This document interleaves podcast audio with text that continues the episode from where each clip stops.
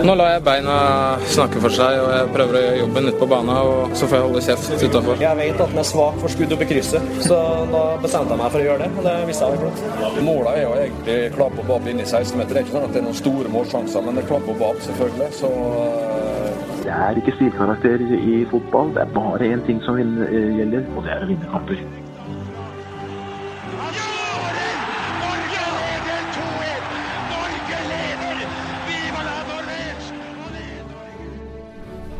Jeg sitter på Marienlyst og ser på Strømsgodsets uh, trening. Uh, sammen med sportssjef uh, Jostein Flo, mannen med 53 landskamper og 11 mål for Norge, som ifølge Wikipedia står med 190 skåringer i karrieren på 388 kamper. Vi skal snakke mye mer om det etterpå, Jostein. Men først, takk for at du tok deg tida. Ja, veldig hyggelig å være med. Vi sitter på, på Marienlyst og ser på, på treninga. Hvordan, du, hvordan syns du det ser ut? Vi har veldig høyt på nivå på treninga. Legger stor vekt på å ha gode treninger. Og det er en av de måtene vi har utvikla vår klubb fra. Vi har mange trenerapparat med ulik kompetanse, som er noe vi vektlegger. Og det er for å gi spillere god oppfølging. Og høyt nivå på trening er noe av det viktigste. Og når vi ser et spillere òg, så Litt som Thomas Bensen sa i forhold til Sarpsborg når de henter spillere. Vi vil ha spillere som kan trene hardt og kan trene mye. Eh, og så legger vi vekt på et stort apparat. Ser veldig bra ut. Ser du på, Sitter du der og ser hver eneste trening? Eh, ja, deler og hovedøvelsene og litt sånne ting. Det ser jeg på uh, stort sett. Og så er vi litt uh, ikke som en uh, diskusjonspartner. Vi er med og ser og hører på hvordan de planlegger treninger og uker. Så jeg er involvert i sport, ja. Merker du, du har jo vært eh, sportssjef her nå i en, i en årrekke, og eh, også jobba i administrasjonen veldig lenge. Merker du forskjell, Ser du stor forskjell på treningene fra hovedtrener til hovedtrener?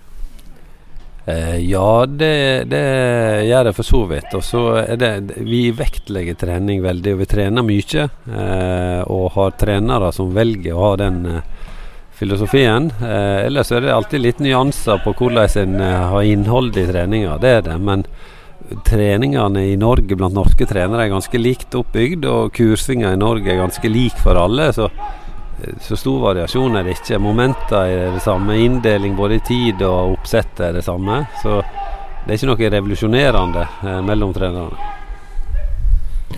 Dere signerte akkurat Francisco Junior på, på ny kontrakt. Hvor viktig er det for, eh, for Strømsgodset både i år, neste sesong og for, og for klubben? Eh, for det første, så det, det sommervinduet igjennom, så kutter vi stallen med to i stedet for å øke antallet. Og vi er nede i sju mann i A-stallen. Så lite spillere har vi ikke vært eh, så lenge jeg har vært her. Og så det, føler vi at det en, har vært en suksessfaktor. Eh, vi sleit veldig, og når vi sliter, så er det en stor klubb som Strømsgods med så gode resultat som vi har hatt i det siste, stort press mot å kjøpe seg ut av situasjonen og forsterke laget gjennom det. Det er ikke vi i en økonomisk posisjon til å kunne gjøre, men det vi forbedrer med, det er at vi eh, valgte å beholde ei gruppe spillere som er involvert i, om ikke i hver kamp, så er de involvert over tid. Eh, og har sjanse til å, å, å, få spilletid, og får det med stor sannsynlighet, som gjør at gruppa blir sett mer. Større moral i gruppa og hever nivået gjennom det. Du sa før vi begynte å, å prate sammen her at dere har fem-seks juniorer på trening i dag. Er det en bevisst strategi for, eh, for Skullerud og Godset? Ja, nå er det sånn at på idrettslinja som er rett ved siden av skolen eller i eh, tribunebygget, så har de samme treningstid som A-laget, og der går de beste juniorene våre fra 16 til 19 år. Og så møtes trenerne to timer før eh, trening og etterlyser behov og spillertype i forhold til trening, eh, sykdom, skader osv. Så, videre. så vi er fra tre til seks juniorer på hver eneste trening. Og det er et veldig godt utstillingsvindu for de yngre, og det er god utvikling at de trener på så høyt nivå som mulig. Vi, du nevnte så vidt eh, Thomas Berntsen der og, og, og Sarpsborg. Da vi snakka med de, så sa de at de har en målsetning om å ligge blant topp seks uh, i årene framover. Og det er der de har sagt. De har ikke sagt at de skal utfordre om gullet, men de skal ligge jevnt i toppen. Hvordan er, uh, er det naturlig i neste steg for godset nå å begynne å snakke om gull på et eller annet tidspunkt? Det, det som er Strømsgods målsetting Målsetting det må ha en uh, sammenheng med realitet, med økonomi, størrelse på klubb, hvordan en kan tenke over tid. Vi skal ligge i øvre halvdel, uh, og vi er blant de eh, sju-åtte største klubbene i Norge og skal være blant dem. Og så vil vi innimellom kunne prestere utover det, der vi holder eh, spillere. Vi er jo en selgende klubb, dvs. Si at det blir rotasjon i overgangsvinduet. og Måten vi har bygd opp klubben på, er jo gjennom spillersalg. At vi selger til utlandet, som er veldig bra økonomisk og en viktig del av klubbdrifta, og som blir for flere og flere norske lag. Og så erstatter det med spillere vi må bygge opp. Men stabilt skal vi være på øvre halvdel, og innimellom så kan vi prestere helt i toppen, som vi gjorde i 2013 når vi vant seriegull, 2010 når vi vant cupen. Og lukte på medalje og prøve å holde nivået på det. Jeg ser at uh, Bjørn Petter BP Ingebrigtsen er på, på trening.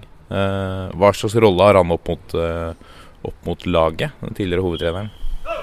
Han er en av uh, assistenttrenerne som òg følger opp enkeltspillere. Han er fin samtalepartner for dem, er flink til å dra spillerne i positiv retning. Uh, og deltar på alle treningene. I tillegg så er han skaut scout for oss. Uh, ser etter spillere i den målgruppen vi ser etter. Og Så han er mye ute og reiser i tillegg til å være assistent på A-laget. Vi kan snakke mer om det, men hvor er det hvilke områder er det dere ser spesielt? Er det Brer dere veldig mye utover Buskerud? Eh, I yngre så ser vi selvfølgelig etter Buskerud så det blir fanga inn i vårt eh, system veldig tidlig. så eh, Gutte- og juniorlaget vårt er jo et Buskerud-lag, og et litt forsterka eh, Buskerud-lag. Så henter vi inn to nasjonale 16-åringer på idrettslinja. Vi har et hus som klubben eh, eier, der vi plasserer spillere utenfor Drammensregionen når de går inn på idrettslinja i 16 år. Eh, men det Bjørn Petter og A-laget ser etter av unge spillere, som vi har vært veldig flinke til de siste åra, det er 18 22 år. Og så ser vi primært i Norden for å oppsøke en kultur og en holdning som passer inn i, i Vinter-Norge, og at de er litt vant med det og ikke blir sjokk. Dvs. Si at det er avvik innimellom, men det er primært det vi ser, og den aldersgruppa vi leter etter.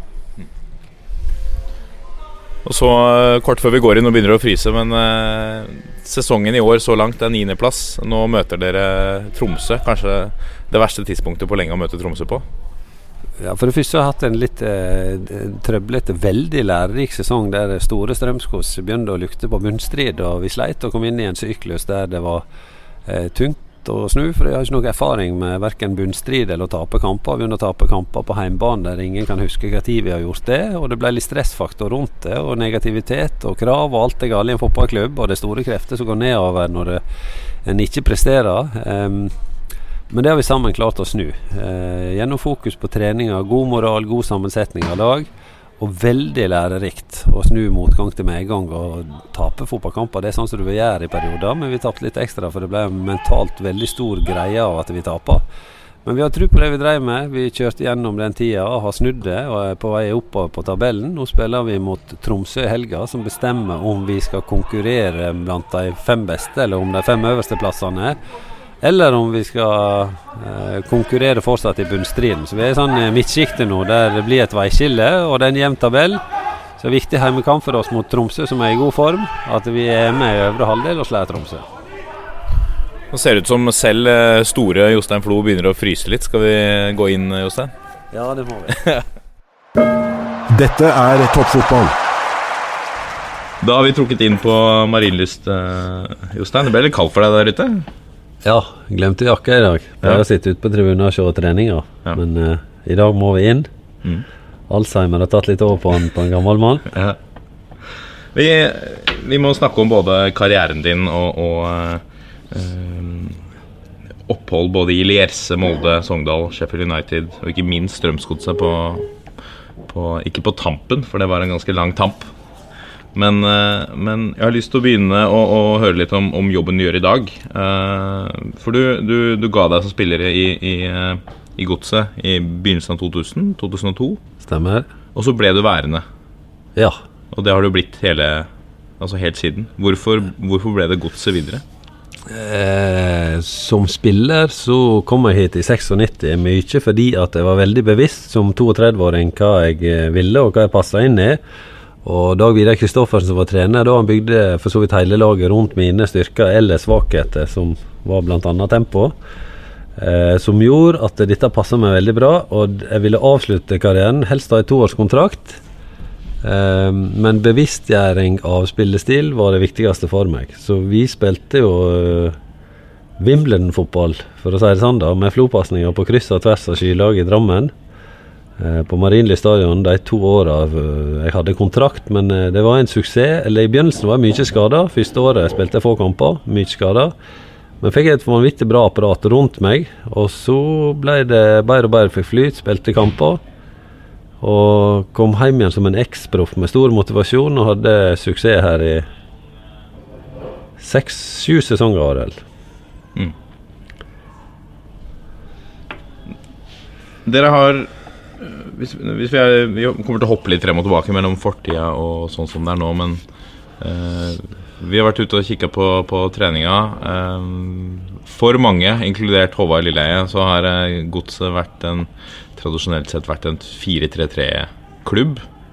Eh, og mange nå i, i, i Drammen har tydeligvis skreket på at øh, og vært forundra over at man har ansatt en trener som har en annen filosofi, en annen type formasjon. Hvordan tenker dere eh, rundt akkurat det? Er det, eh, er det treneren som bestemmer hva slags formasjon man skal ha, eller er det en eh, er det en komité som, som setter ned hva slags fotball Strømsgodset idrettsforening skal spille? Eh, vi har aldri vært låst til 4-3-3. Jeg vet at en par klubber i Norge har styrevedtak på at de skal spille 4-3-3. Det har ikke vi. Og når en tror at vi har spilt 4-3-3 gjennom en, noen tidligere trenere, så har de trenerne variert mellom eh, alt fra 3-5-2 til 4-4-2 og 4-2-3-1. Så vi har hatt et variabelt eh, system, men i lengre perioder, spesielt under Fagermo og Deila, så spilte vi klassisk eller veldig typisk 4-3-3. Men i den største perioden til Ronny så varierte vi mye. Vi spilte mer 4-4-2 enn 4-3-3 i 2013-sesongen, blant annet. Så vi legger ikke noen føringer på det, annet enn at det som er grunnprinsippet, at vi liker å være spillende lag som spiller offensiv fotball, men at vi har låst oss til system, det har vi ikke. Nei. Så er det vel også sånn at eh, de kritiske røstene kommer heller når, eh, når det butter litt imot. Da begynner man å se på formasjonen. Eksperter, det, det er det eneste. Det er mye mer enn nok, og mer enn det en trenger. Og ingen problemer med å finne hva som er feil når det går dårlig. Eh, og da var det mye 4-4 om oss som var utfordringa. Det, det, er greit å mene i forhold til stallsammensetning, at det ikke kanskje passer for oss, eller at det er faglige ting som ligger bak de meningene. Men, men eh, vi spilte, og spiller nå, eh, 4-2-3-1 i større grad enn en klassisk 4-4-2. Mm. Og nå er det helt fantastisk med 4-4-2, så det henger litt sammen med å vinne og tape. Men utgangspunktet og spillestilen til Strømsgodset er ikke store endringer på fra tidligere. Vi snakka litt om, om uh Um, om de yngre spillerne deres, og, og, hvor bredt dere går ut for å, for å hente inn nye talenter. Den nye akademiklassifiseringa, vi har snakka tidligere litt med Håkon Lunov om det. det har du noe, gjort deg noen tanker om det, eller blir det et, et bord som ikke er ditt? Nei, selvfølgelig er det mitt som, som sportssjekk, hva struktur og filosofi og strategi vi har som uh, klubb. Eh, og den er veldig bra, den er veldig velkommen, og den stiller grundige og detaljerte krav til hvordan en driver spillerutvikling rundt om i klubbene, mm. som er veldig lærerikt òg. For det, det tydeliggjør de ulike punkter på hvordan en klubb skal drive det, og gi poeng og tilbakebetalinger i forhold til hvordan en driver det. Når det er sagt, så er det viktig for de ulike klubbene å finne sin nisje. Det som passer i Drammen, trenger ikke å passe i Trondheim eller i Tromsø. Det er litt ulikt fra klubb til klubb, og behovene er litt ulike. Alt dette som geografi. Eh, I Sogndal f.eks. så er det et helt fylke å ta av. Eh, og for så vidt halve Vestlandet i konkurranse sørover med Brann, som er ganske langt, og nordover med Ålesund og Molde. Mens vi har Stabæk ti minutter inn i gata, og Mjøndalen fem minutter opp i gata. Og Sandefjord en halvtime i sør. Så vi må velge en litt annen profil som eh, passer oss, kontra andre klubber i Norge. Men Akademikvalifiseringa er veldig bra eh, og veldig lærerikt, og, og poengterer litt hva som er totalt bra i klubben, og hva som kan bli bedre. Mm. Er det litt sånn at eh, hvis det dukker opp en spiller fra, fra sentrale Buskerud-området i, i, Stabekk, eller i, i, Odd for den saks skyld, eller i Sandefjord, eh, blir litt snurt da at dere selv ikke har klart å plukke opp disse Unggutta? Ja, det blir alle. Odd har jo en veldig tydelig eh, telemarksprofil. Både sier og gjør og, og har det innenfor sin handlingsprogram. Eh, det har vi òg. Vi vil ha kontroll på Buskerud. Vi er Buskerud sin store klubb. Eh, og det er ved de ulike klubbene i de ulike fylkene. Og når en spiller går fra vårt fylke til en annen i ung alder, og det ikke er familiærårsak eller at eh, vi har seks midtbanespillere i den rolla, vi klarer ikke å dyrke eller få fram alle, eller det blir for mange i samme posisjon, så skal vi ha kontroll på vårt eget fylke, vi, sånn som alle andre klubber vil i sine fylker. Vi er veldig bevisst på å ikke ta spillerne for unge inn til Strømsgodset, men at de i Buskerud skal få et så godt tilbud gjennom oss som mulig. Eh, vi har eh, trenere som er ute i klubbene og trener både trenere og, og laga eh, jevnt i og rundt Drammen fra 7 til 12 eh, år. Og så fra 12 til 14 år så har vi akademi, eh, som er bygd om eh, som en pyramide. der det er klubbene ute i distriktet som velger inn sine beste spillere som trenger et eh, bedre tilbud enn det som er ute i klubbene. Eh, jeg kommer inn her når de er tolv år, eh, der det er klubbene som melder dem inn. Og så blir det litt mer spissa, noen som går ut opp mot 14. Og når de er 14, de aller beste får tilbud om å eventuelt gå inn i Strømsgods sitt guttelag, som er 15 16 år. Men det er primært 15 og 16 år du får det første forholdet til klubben, der vi har egen klubb, guttelaget. Og så har vi et juniorlag fra 16 til 19. Og så har vi A-lag, og så er vi tydelige på at det er det vi skal ha, og det vi skal drive. Og at Strømsgods toppfotball driver med toppfotball, og mange av de klubbene rundt her driver med breddefotball. Og det er, det er greit for de også? Det er en etablert, eh, etablert sannhet i de andre klubbene? Ja, det, det, er ikke vi som begynner å konkurrere med Strømsgods. For det første så er det ikke plass til to tippeligalag i Drammen. Verken i forhold til økonomi, kapasitet, publikum eller noe. Eh, men det er vår utfordring er jo å tilfredsstille klubbene rundt, så de spillerne ute i klubbene får et godt nok toppfotballtilbud og etter hvert kan komme inn til Strømsgods. Men det at vi skal ha to klubber i en by, eller rundt en by, det er en utfordring over tid. Litt om rollefordelingen din. Du er, du er sportssjef nå har dere akkurat, som vi snakket om, signert eh, Francisco Junior. Eh, du har vært eh, involvert i, i altså alt fra Martin Ødegaard, som vi kan snakke litt om senere. Men hva slags rolle er Jostein Flo sin rolle hva gjelder spillekontrakter, nye, nye spillere inn? Hvem, hvem er det som bestemmer? Eh, jeg tar meg av alle avtalene som har med profesjonelle spillere i klubben å gjøre. Dvs. Si fra de beste juniorene. Eh, eh, det artigste som finnes, det er å ringe foreldre til unge spillere på 15 og 16 år og spørre om jeg kan få en prat med dem. Mm. Og de lurer på hva det gjelder. Er det noe negativt? Nei, det er ikke noe negativt. Men vi har heller ikke veldig dårlig tid. Når kan vi ta en prat? Det gjelder sønnen din, som har hatt stor framgang. Vi kan ta det som oftest med en gang. Det er på klubbhuset på Gullskogen før det går ti minutter, uansett hva det er i landet. og det er det største en kan gjøre. Det er den første avtalen med unge spillere. Eh, og foreldre, og det er ofte sterke opplevelser. Eh, en jobber hardt, og nåla er veldig trangt. Eh, så det er det første forholdet de får til meg. Og så jobber jeg mye med avtalene til profesjonelle spillere i klubben, forlengelser og stallsammensetning, i tett dialog med A-lagstreneren og strategien til eh, klubben og den daglige oppfølgingen av det sportslige ansvaret. Mm.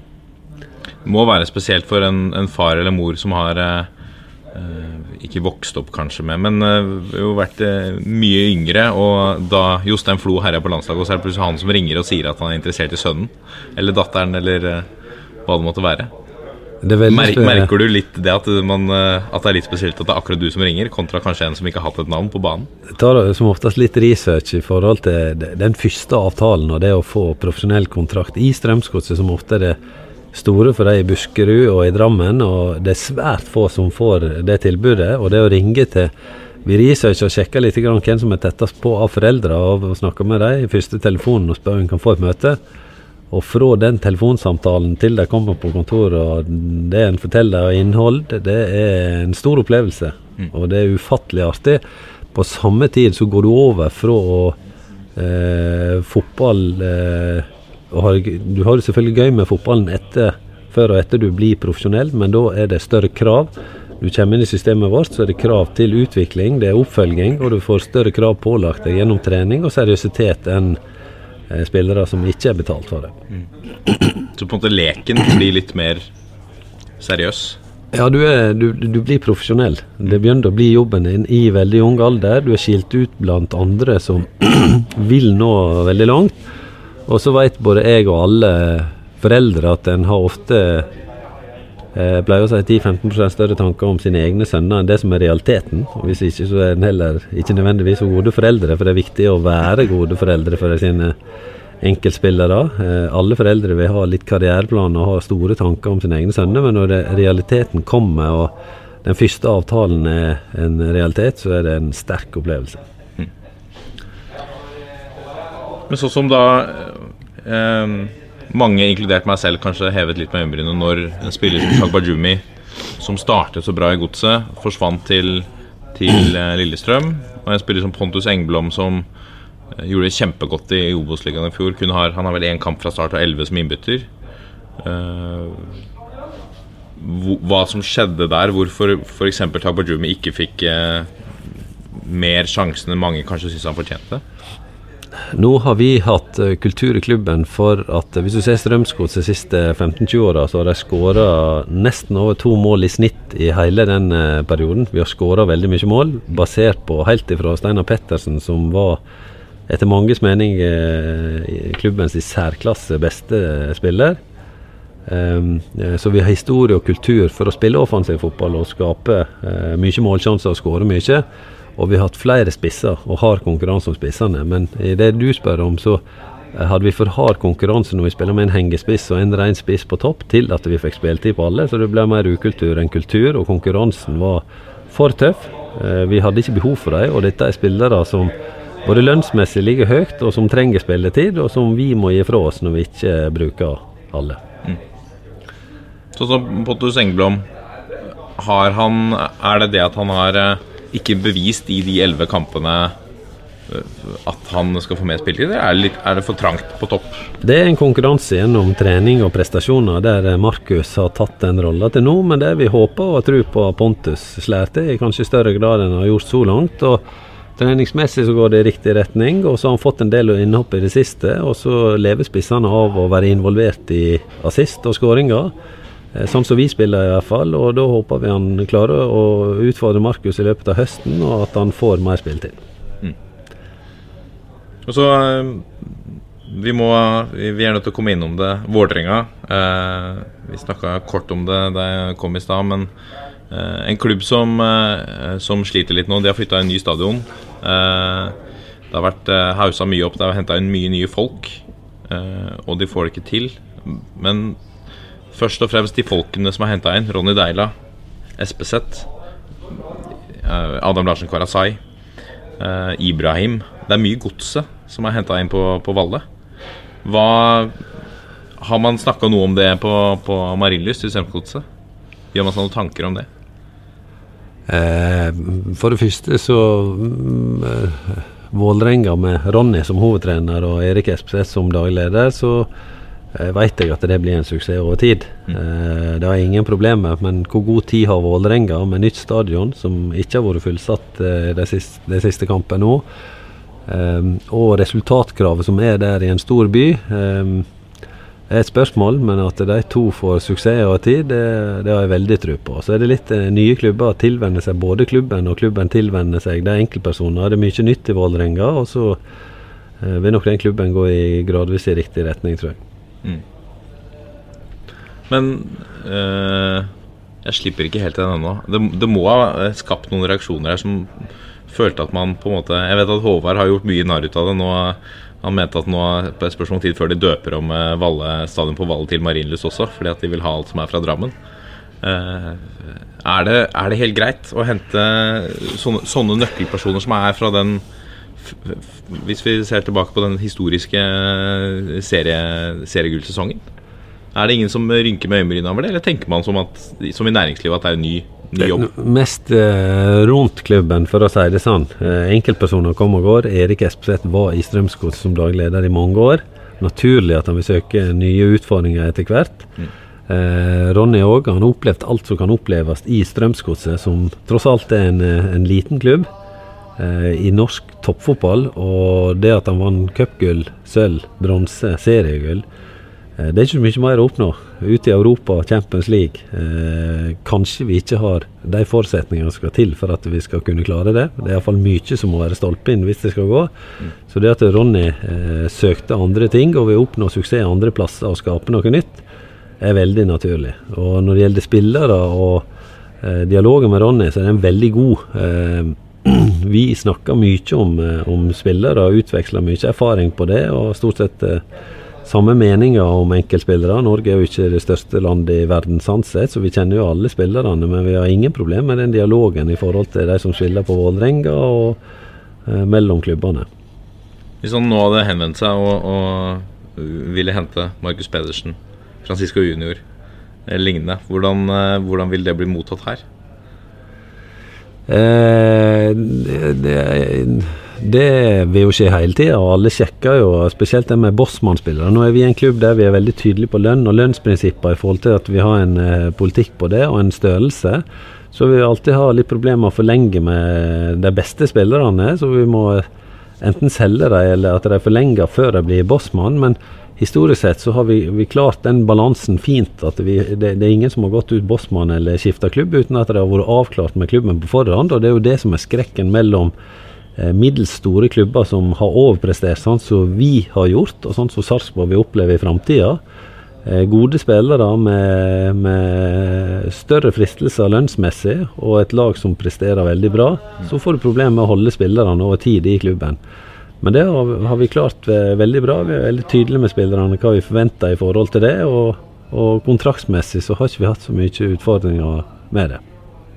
Dere, dere, tok jo Dere hadde en fantastisk sesong i, i, 2013. Dere tok gull. Og etter det så har pila pekt litt nedover for Strømsgodset, som vel har som målsetning å ligge litt mer i toppen av Eliteserien. Når du ser tilbake på det, gjorde dere noe galt etter, eh, etter gullet? Eh, det som er ved, Fra 2005, når investorgruppe kom inn og redda klubben, så har vi hatt en tydelig strategi på hvordan vi skal drive klubben, hvordan vi skal satse eh, når vi skal selge spillere, hvordan vi skal hente og hvilke alderstrinn. Og det er inn mot 2013 så tok vi eh, større sjanser enn noen gang. For det første så i 2013 så var det fem eller seks sentrale spillere som skulle ha vunnet to dager før overgangsvinduet stengte. Så tre dager før overgangsvinduet stengte, så det, det, blir det bunnstrid eller medaljekamp. Eh, det var hele sentrallinja vår stort sett. Vi fikk dem til å skrive under alle. Eh, og så sa vi tre ting i 2013. Eh, at vi har et veldig ungt lag, vi er gode på spillerutvikling, og vi spiller offensiv fotball. Og det bestemte vi oss for. Dette skal vi uttrykke i alle intervjuer, alle mann. Det som er verdt å merke seg, det var at vi beholdt en god generasjon over litt lengre tid enn det vi pleier å gjøre i 2013. Eh, vi hadde den høyeste snittalderen vi har hatt de siste åra. Som gjør at vi ikke var så gode på spillerutvikling. Offensiv fotball, det spilte vi, men vi hadde stolpe inn, vi hadde flyt. Det var en en svakere Molde, Rosenborg og topplagene gjorde det ikke så bra det året. Um, og Det at vi hadde et ungt lag er ikke riktig, for vi hadde 26,2 i snittalder. og Det er vel noe av det høyeste vi har hatt de siste 15 åra i klubben. Men når alle sier det samme, så blir det stor effekt av og spesielt når det går bra. Men vi tok store sjanser opp økonomi det året. Vi satsa mye, og det var et gullår i vår satsing. En satsing som vi ikke kan gjøre hvert eneste år, for da går vi konkurs om vi ikke vinner seriegull. Og det sier seg sjøl at vi ikke vil klare. Så oppryddinga etter 2013 den, den, tok litt tid. Og det at vi kom til å miste en del sentrale spillere som tar seriegull for Strømsgodset, det var logisk òg. Så Vi visste det kom en liten nedtur eh, etter 2013, og det var veldig viktig å realisere hva slags klubb vi er, hva slags økonomi vi har, og hva som ville skje etter 2013. Eh, så vi visste vi kom til å miste en del spillere. Vi visste òg at vi måtte kutte kostnader, og at vi måtte dempe kravene litt i forhold til satsing. Så dere visste egentlig etter gullet, eller du, hvert fall visste, jeg var ikke sikkert spillerne visste men Du visste at dere ikke kom til å ta seriegull året etter?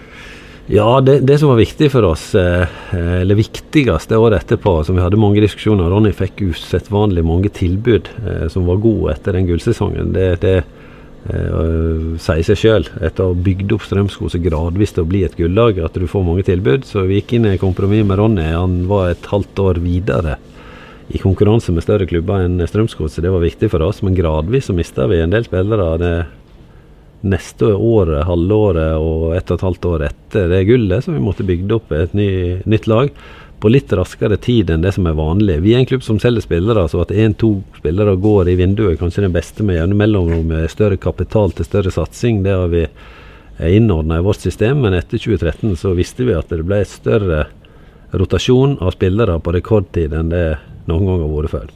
Mm. Mm. Apropos uh, Deila, exiten til Celtic. Der jeg har jeg hørt at uh, uh, man kanskje kunne sett fra Drammen at, at, den har vært løst på en litt annen måte. Den historien jeg har hørt, er at Deila plutselig befant seg i, i Skottland, og det ble ringt til Drammen og sagt at nå må vi bli enige, fordi at vi kommer til å presentere Ronny Deila som trener i morgen klokka ett. Har du lyst til å si noe rundt hva som skjedde der? Det er alltid, alltid sterke meninger rundt en, en, person som har vært så eh, inngravert i en klubb som Ronny var fra han tok over som trener eh, uten trenererfaring i 2007. Til den suksessen han hadde i 2013, så var han en del av vårt eh, åndedrett, for å si det sånn. Veldig integrert i klubben. Veldig populær i Drammen. og Eh, det sier seg selv at det blir litt bølger når han forlater eh, Strømsgodset, men til fordel for Celtic, som er en stor klubb. Det er sånn som vi absolutt alle har eh, forståelse for, men det var sterke reaksjoner blant sponsorer og i og rundt klubben når Ronny reiste. Det skjedde veldig fort alt rundt det, men det at han går til Celtic, det har vi stor forståelse for.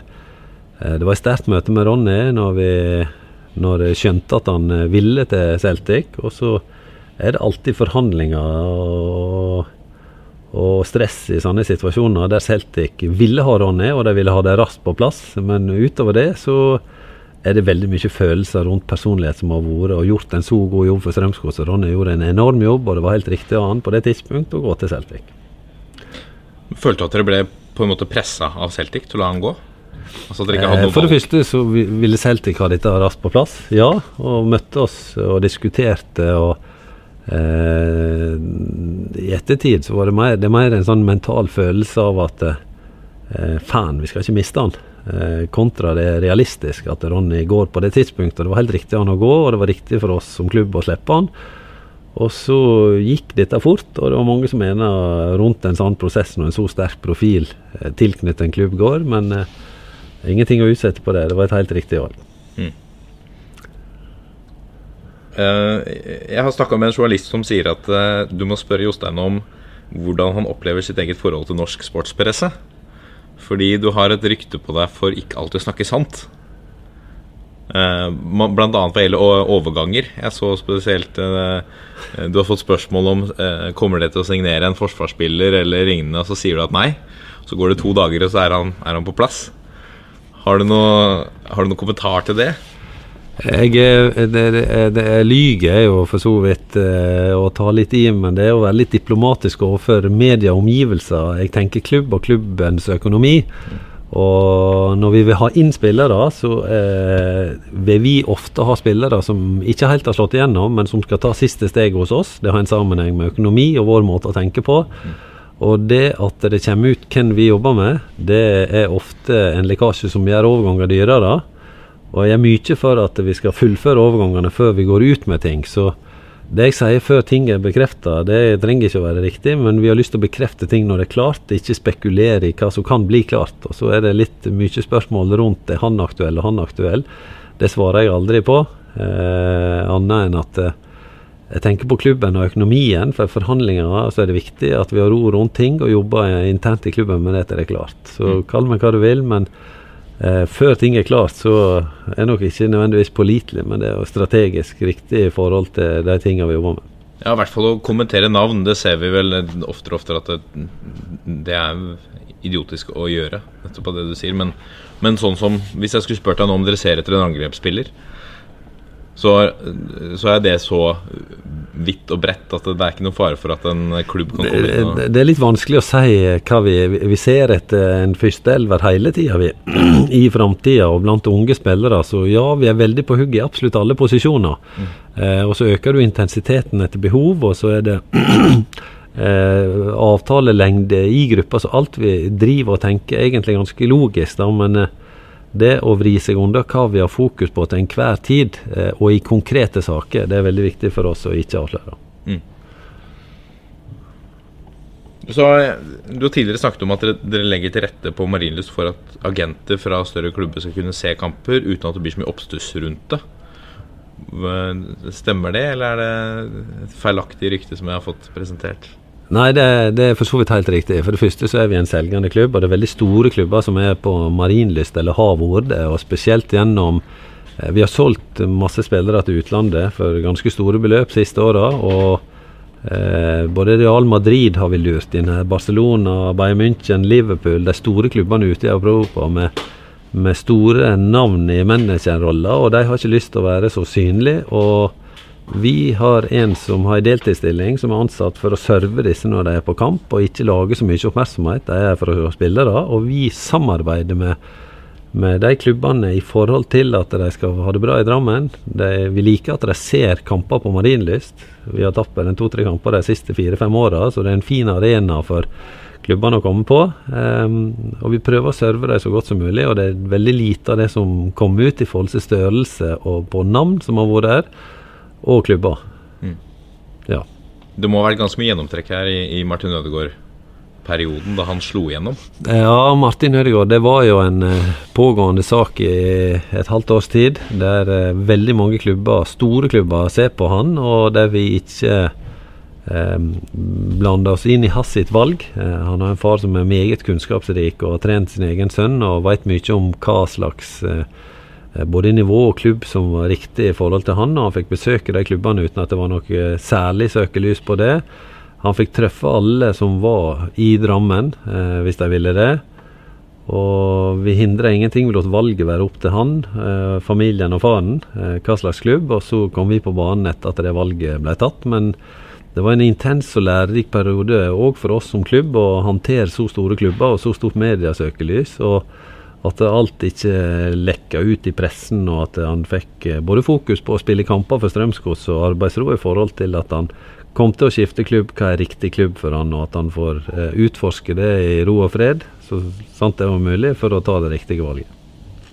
Men nettopp det at han uh, at Det ble jo litt åpenbart etter hvert at, at det var Ødegaard selv som eller familien Ødegaard som bestemte hvor Martin skulle spille. Tror du ikke det at det svekket forhandlingsposisjonen til Strømsgodset mot, mot, Real Madrid? For Real Madrid visste at han ville til, til dem. Det, det, altså, en kan gjerne tjene penger som klubb, men når du har med et så stort talent som Martin Ødegaard er, som er unik i norsk fotball Det er ikke hver dag det vokser opp, det er ikke hvert tiår. Eh, det er veldig sjelden, og vi har en veldig stor stolthet i at han eh, har kommet gjennom vårt system. Og så kan en diskutere om eh, vi i hele tatt har vært den som utvikler han, om det er familien, faren som har utvikla han, om deres eget talent. Det er nok en kombinasjon av flere ting.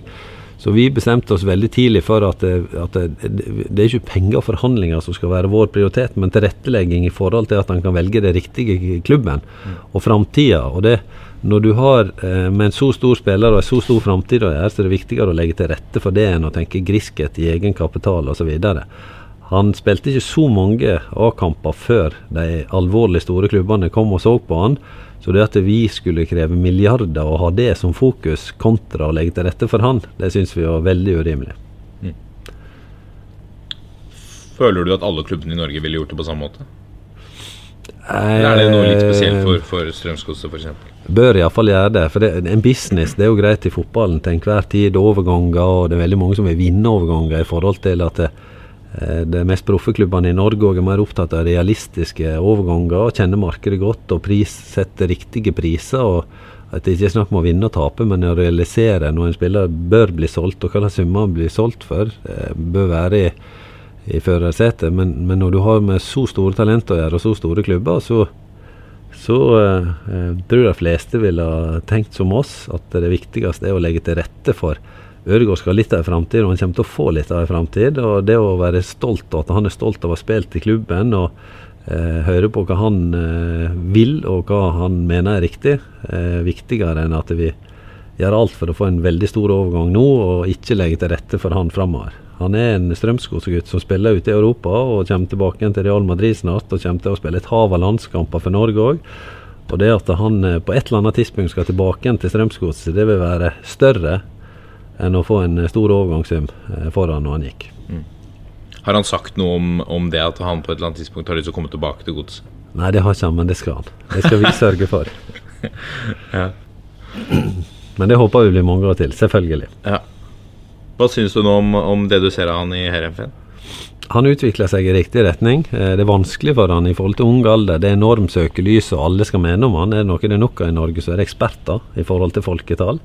Så det er helt vanvittig hvor mye eksperter og hvor mye råd han får. Han må jo ansette 100 mann bare for å sortere alle de rådene han får. Men eh, han har utvikla seg veldig i Real Madrid òg, gjennom en treningshverdag med verdens beste fotballklubb, som Real Madrid har vært de siste åra. Eh, jeg syns det er et riktig utlån nå til til Hedenfen, og nå begynner han å utvikle seg i riktig retning. Han har stor arbeidsro i de tingene han driver med, og han er et unikt talent eh, i norsk fotball. Og så er det alltid meninger, for at alt du sier rundt han vekker stor oppsikt. Men ting går i riktig retning med han, og det er nok ikke lenge før han er tilbake igjen i Real Madrid. Og så er det et tidsspørsmål når han slår gjennom med norske A-landslaget. Hadde han blitt tatt ut på landslaget nå hvis han ikke hadde hett Martin Ødegaard og hadde vært eh, fem år eldre, tror du? Ja, dette er litt vanskelig å vite. Det får andre ta seg av i forhold til hvem, men det, det viktigste for Ødegaard er at det, ting går i riktig retning med han sånn sett. Du, du, blir ikke god eller dårlig av å spille på det norske A-landslaget sånn sett. Det viktigste er hverdagen, altså klubbene ute i Europa, og at han velger riktig. Og at han utvikler seg i riktig retning. Så kommer ting uansett med han om det er A-landslaget eller hva.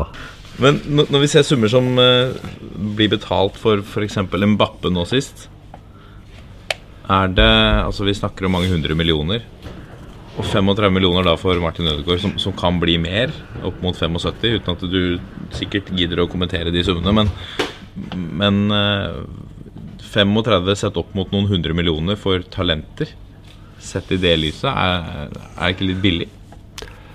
Eh, nei, det, det Ødegaard er jo én case, og jeg skal ikke si noe om innholdet i den type avtale, men eh, jeg er litt for at det, det, fotballen har en vanvittig markedsverdi. og eh, Selv om det er store beløp og, og, mange kan mene det er urealistiske, så er ikke det idioter som driver disse klubbene i konkurranse om de titlene som er ute i Europa. Det er store penger inne i bildet, og det er mye draktsalg. Så det at det er helt på trynet med de markeds, eh, med de summene som er Det er ikke jeg helt enig i, men det er store beløp, ja. Men at du ikke klarer å nødvendigvis regne hjem igjen en del av det, det er jeg eh, det tror jeg at mange klubber klarer å gjøre, men det er helt ekstremt beløp. Men fotballen har en sterk posisjon. Og det å prestere i Champions League og vinne Champions League og inntektene rundt det er veldig store, og det må en heller ikke glemme. Og for å, å vinne titler ute i Europa, så må du, må du ha de beste spillerne. Og at eh, markedet øker på dem, det er naturlig, selv om vi ikke liker det. Nei, Det er vel naturlig at de som er med og gjør jobben, skal tjene godt på det også. Så med tanke på at det er blitt så mye penger i, i fotballen. Det er det, og mer penger blir det. Og fotballen sin posisjon eh, blir bare sterkere og sterkere. Og TV-rettighetene blir større og større og viktigere og viktigere. Så det at den utviklinga går oppover, selv om vi ikke liker det, det har den alltid gjort. Og vi har alltid klaga på det helt fra 70-tallet, når overgangene begynner å blåse seg opp, til nå. Det blir bare større og større. Og de kreftene klarer vi ikke å stoppe. Det er markedsverdien som bestemmer det. Mm. Tror du at norsk fotball alltid kommer til å ligge at eh, europeisk fotball har på en måte reist litt fra oss. At gapet nå er eh, kommer til å forbli så stort. Uansett hvor mye vi blir bedre på innlegg og kortpasninger og langpasninger. Det er jo en totalitet, og det er litt vanskelig å, å eh, si at det og det skal til for at vi blir gode i Norge. Og så er det litt sånn at det, det er selvfølgelig landslaget og, og den, det beste laget som nå er Rosenborg, og hva de gjør slags prestasjoner som gjenspeiler seg ute. Nå er Rosenborg en vanvittig prestasjon. Det er jo mot sterke Ajax, selv om Ajax har hatt en rotasjon i den spillertroppen sin. og så har det vært litt ujevne, men det er Rosenborg er i ferd med å sette lag nå, måten de jobber på. og Måten de kjøper spillere på, gjør Rosenborg eh, i riktig retning. og Det tror jeg nå det norske landslaget er òg, men at de trenger litt tid med Lagerbäck nå for å utvikle resultater etter mitt skjønn, og det, jeg tror at det vil bli sterkere og sterkere resultat, og at bunnen er nådd. Mm. Og så er det nok av kritikere på at alt er galt i norsk fotball, men det er mye bra òg. Sånn som seriesystemet, som er, mange mener at det skal være mindre lag, men for fotballen ut i Norge, de store talentene kommer fra utkant-Norge, og det å involvere Norge og ta med hele landet i muligheten for å spille bl.a. i toppserien, det ser jeg på som en stor fordel. Eh, det at det er eh, 16 lag, 30 kamper i toppserien eh, mener jeg absolutt er en, en fordel. Eh, og en av mine store opplevelser det var i Stryn å se cupkamp på Hødvoll der Lillestrøm var. Da fatta jeg alvorlig interesse for toppfotballen. Mm. Og det er viktig å få den opplevelsen ute i Fotball-Norge, så ikke bare i Oslo, Trondheim og Bergen det er toppfotball. Så jeg syns vi har mye riktig i Norge òg, men vi må ha stabilitet og tradisjoner, og kanskje lære litt av engelsk fotball, som har boxing day, som har klare tradisjoner på kampdata, som har lik terminliste, og som lærer òg å fylle tribuner er viktig for norsk fotball. Det vil gi framgang eh, i opplevelser og i seg sjøl og i markedsvaren fotball og norsk fotball. Så håper vi ikke endrer seriesystemet for ofte. Det er litt sånn at eh, kreativ, er du kreativ, og så skal du endre seriesystemet annethvert år. Vi må ikke lage fotballen om til, til en, en serie der du må Hvordan er egentlig denne serien her? Tradisjon, kontinuitet, eh, ha det samme systemet over tid, tror jeg er viktig. Men, men hvis, man, eh, hvis man skal endre til noe og la det være over tid, da Er det ikke et argument at man burde også forandre på vårt seriesystem, sånn at det passer litt mer i Europa? Eller er vi så i unik posisjon værmessig og, og Altså, vi har ferie. Så det, det, argumentet som er brukt 100 ganger, at vi har ferie på den, det tidspunktet banen er best i Norge. Ja, det, det har du for så vidt veldig rett i. Men så har det òg med eh, Skal norsk fotball er det noe som heter inntekt. Og det er vanskelig å spille eh, i november, desember, januar, februar i store deler av landet med en meter snø. Så det at vi umiddelbart gjør noen endringer på terminlista og vår sesong, det er jo sterke krefter i forhold til at Norge, hvor er plassert den som land, og at vi kanskje har den beste fotballen gjennom den terminlista vi har. Eh, Så må vi alltid, eh, som du sier, inne på, i forhold til europeiske liga, prøve å tilnærme oss det. Men eh, det er ikke så enkelt, det. Og det krever kanskje mer enten innendørshaller eller eh, kunstgress, som er en diskusjon i seg sjøl. Men akkurat nå så tror jeg fotballen utvikler seg best med den terminlista vi har. Vi må snakke litt om eh, karrieren din på, før, vi, før vi gir oss. Uh, um, du begynte i Stryn. Eh, hvordan, hvordan var det i eh, Altså, du kommer fra Flo-familien, som, som du har blitt spurt om 100 ganger med, med hvorfor dere har blitt så gode og sånn. Jeg skal stille et spørsmål etterpå. Men eh, var det en, en slags forventning om at du hvis du, er, hvis du heter Flo, at du skal slå gjennom som fotballspiller?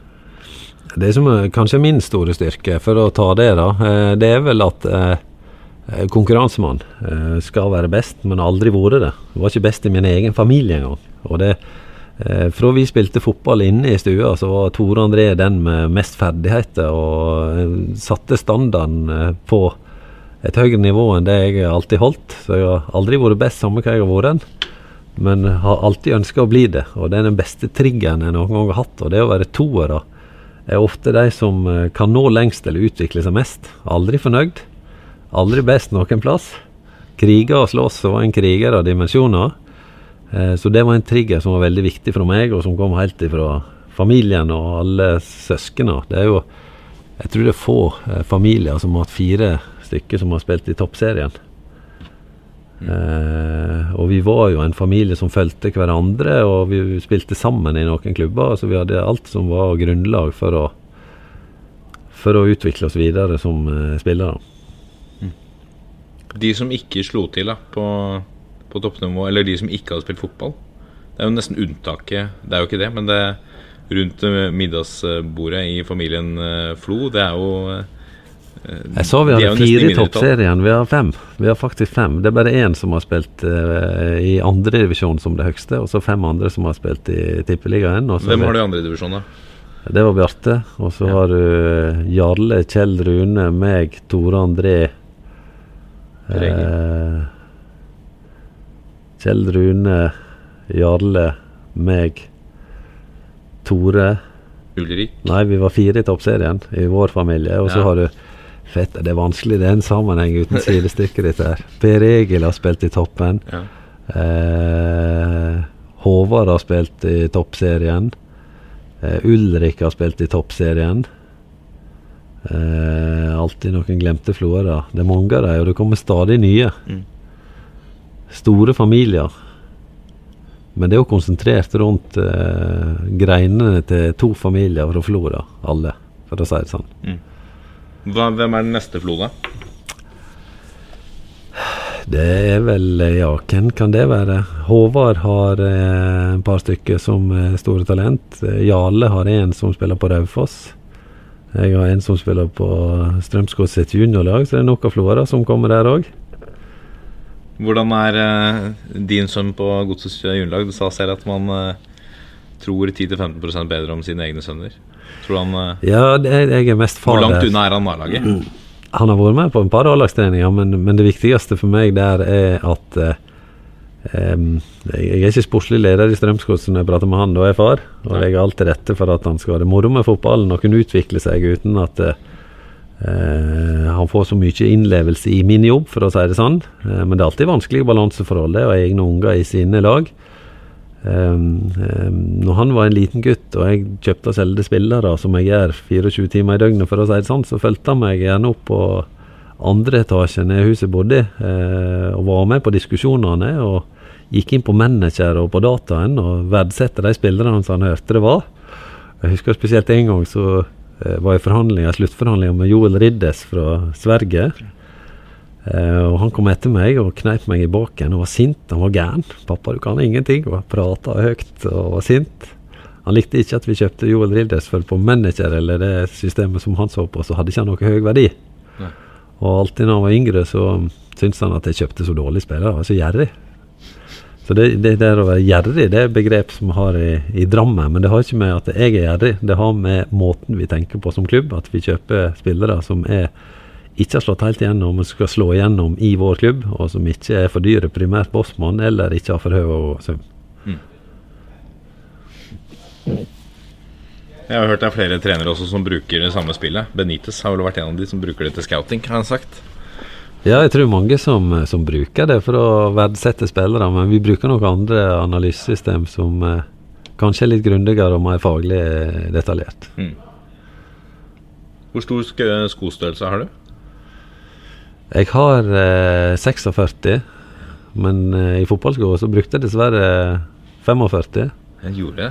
Og det har gått litt utover beina, så når jeg er til fotterapeuten, så er det bare så vidt jeg har behandla beina mine, for det er ikke noe vakkert syn. Men det å bruke for små sko, det var en trend når jeg eh, var ung eh, på 80- og 90-tallet. Så vi pressa oss inn i altfor trange sko i forhold til skostørrelse, for da satt de bedre, liksom. Og vi trodde vi hadde bedre teknikk. Men det var en image som eh, har kosta for de fleste som spilte fotball på 80- og 90-tallet. Ja, det er jo, jeg har jo slått opp stort, for jeg, det er også et eller annet rykte jeg har hørt om at Jostein Flo har skostørrelse 52. Nei, nei, nei. Det, det Da tar du feil om meg og Erik Espeseth. Han er den eneste i norsk fotball som har størrelse 52 i sko. Det er kanskje der det kommer fra. Ja, jeg tror det.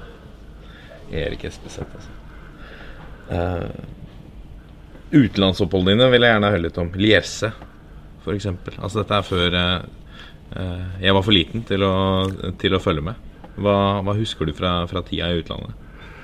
Eh, ett år i Belgia. Eh, en type fotball som ikke framheva mine styrker. Der det var nummer ni som det er i Belgia, eh, Nederland, eh, de landa der, som midtspiss. Der de spiller 4-3-3 de fleste lag.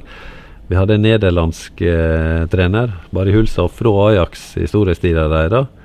Um, eh, som spilte en type fotball som ikke nødvendigvis passa eller var forma for meg eh, og mine styrker, men som var det mest lærerike fordi at det var en ballbesittende fotball. Stor tempo, stor presisjon. Eh, trente hardt. Lærte å trene veldig mye. De trente nok mye hardere i Nederland, Belgia, og riktigere enn det vi gjorde i norsk fotball da. Dette var i 1990, eh, så det var stor avstand. Kanskje større enn det nå treningsmessig mellom Norge og ute i Europa. Eh, Så det var lærerikt for meg, selv om det ikke var den beste perioden. Jeg var i vanvittig form og, og spilte på mine svakheter og trena mye på det. Eh, Og når jeg kom tilbake igjen til Sogndal, så var det jeg slo gjennom og kom med på landslag. Mye basert på det jeg lærte, og både trening og spilleprinsipp og fokus, ikke minst, eh, i Nederland. Vanvittig fokus når du trener. Det var det. Og så husker jeg på en trening som eh, evighetslærdom. Johan eh, nummer 14 var mitt store forbilde. Ehm, han spilte sammen med Barry Hulshoff, som trente det laget jeg var i. Og de hadde et slags jubileum der alle mine store favoritter Jeg var jo Nederland-fan til de grader.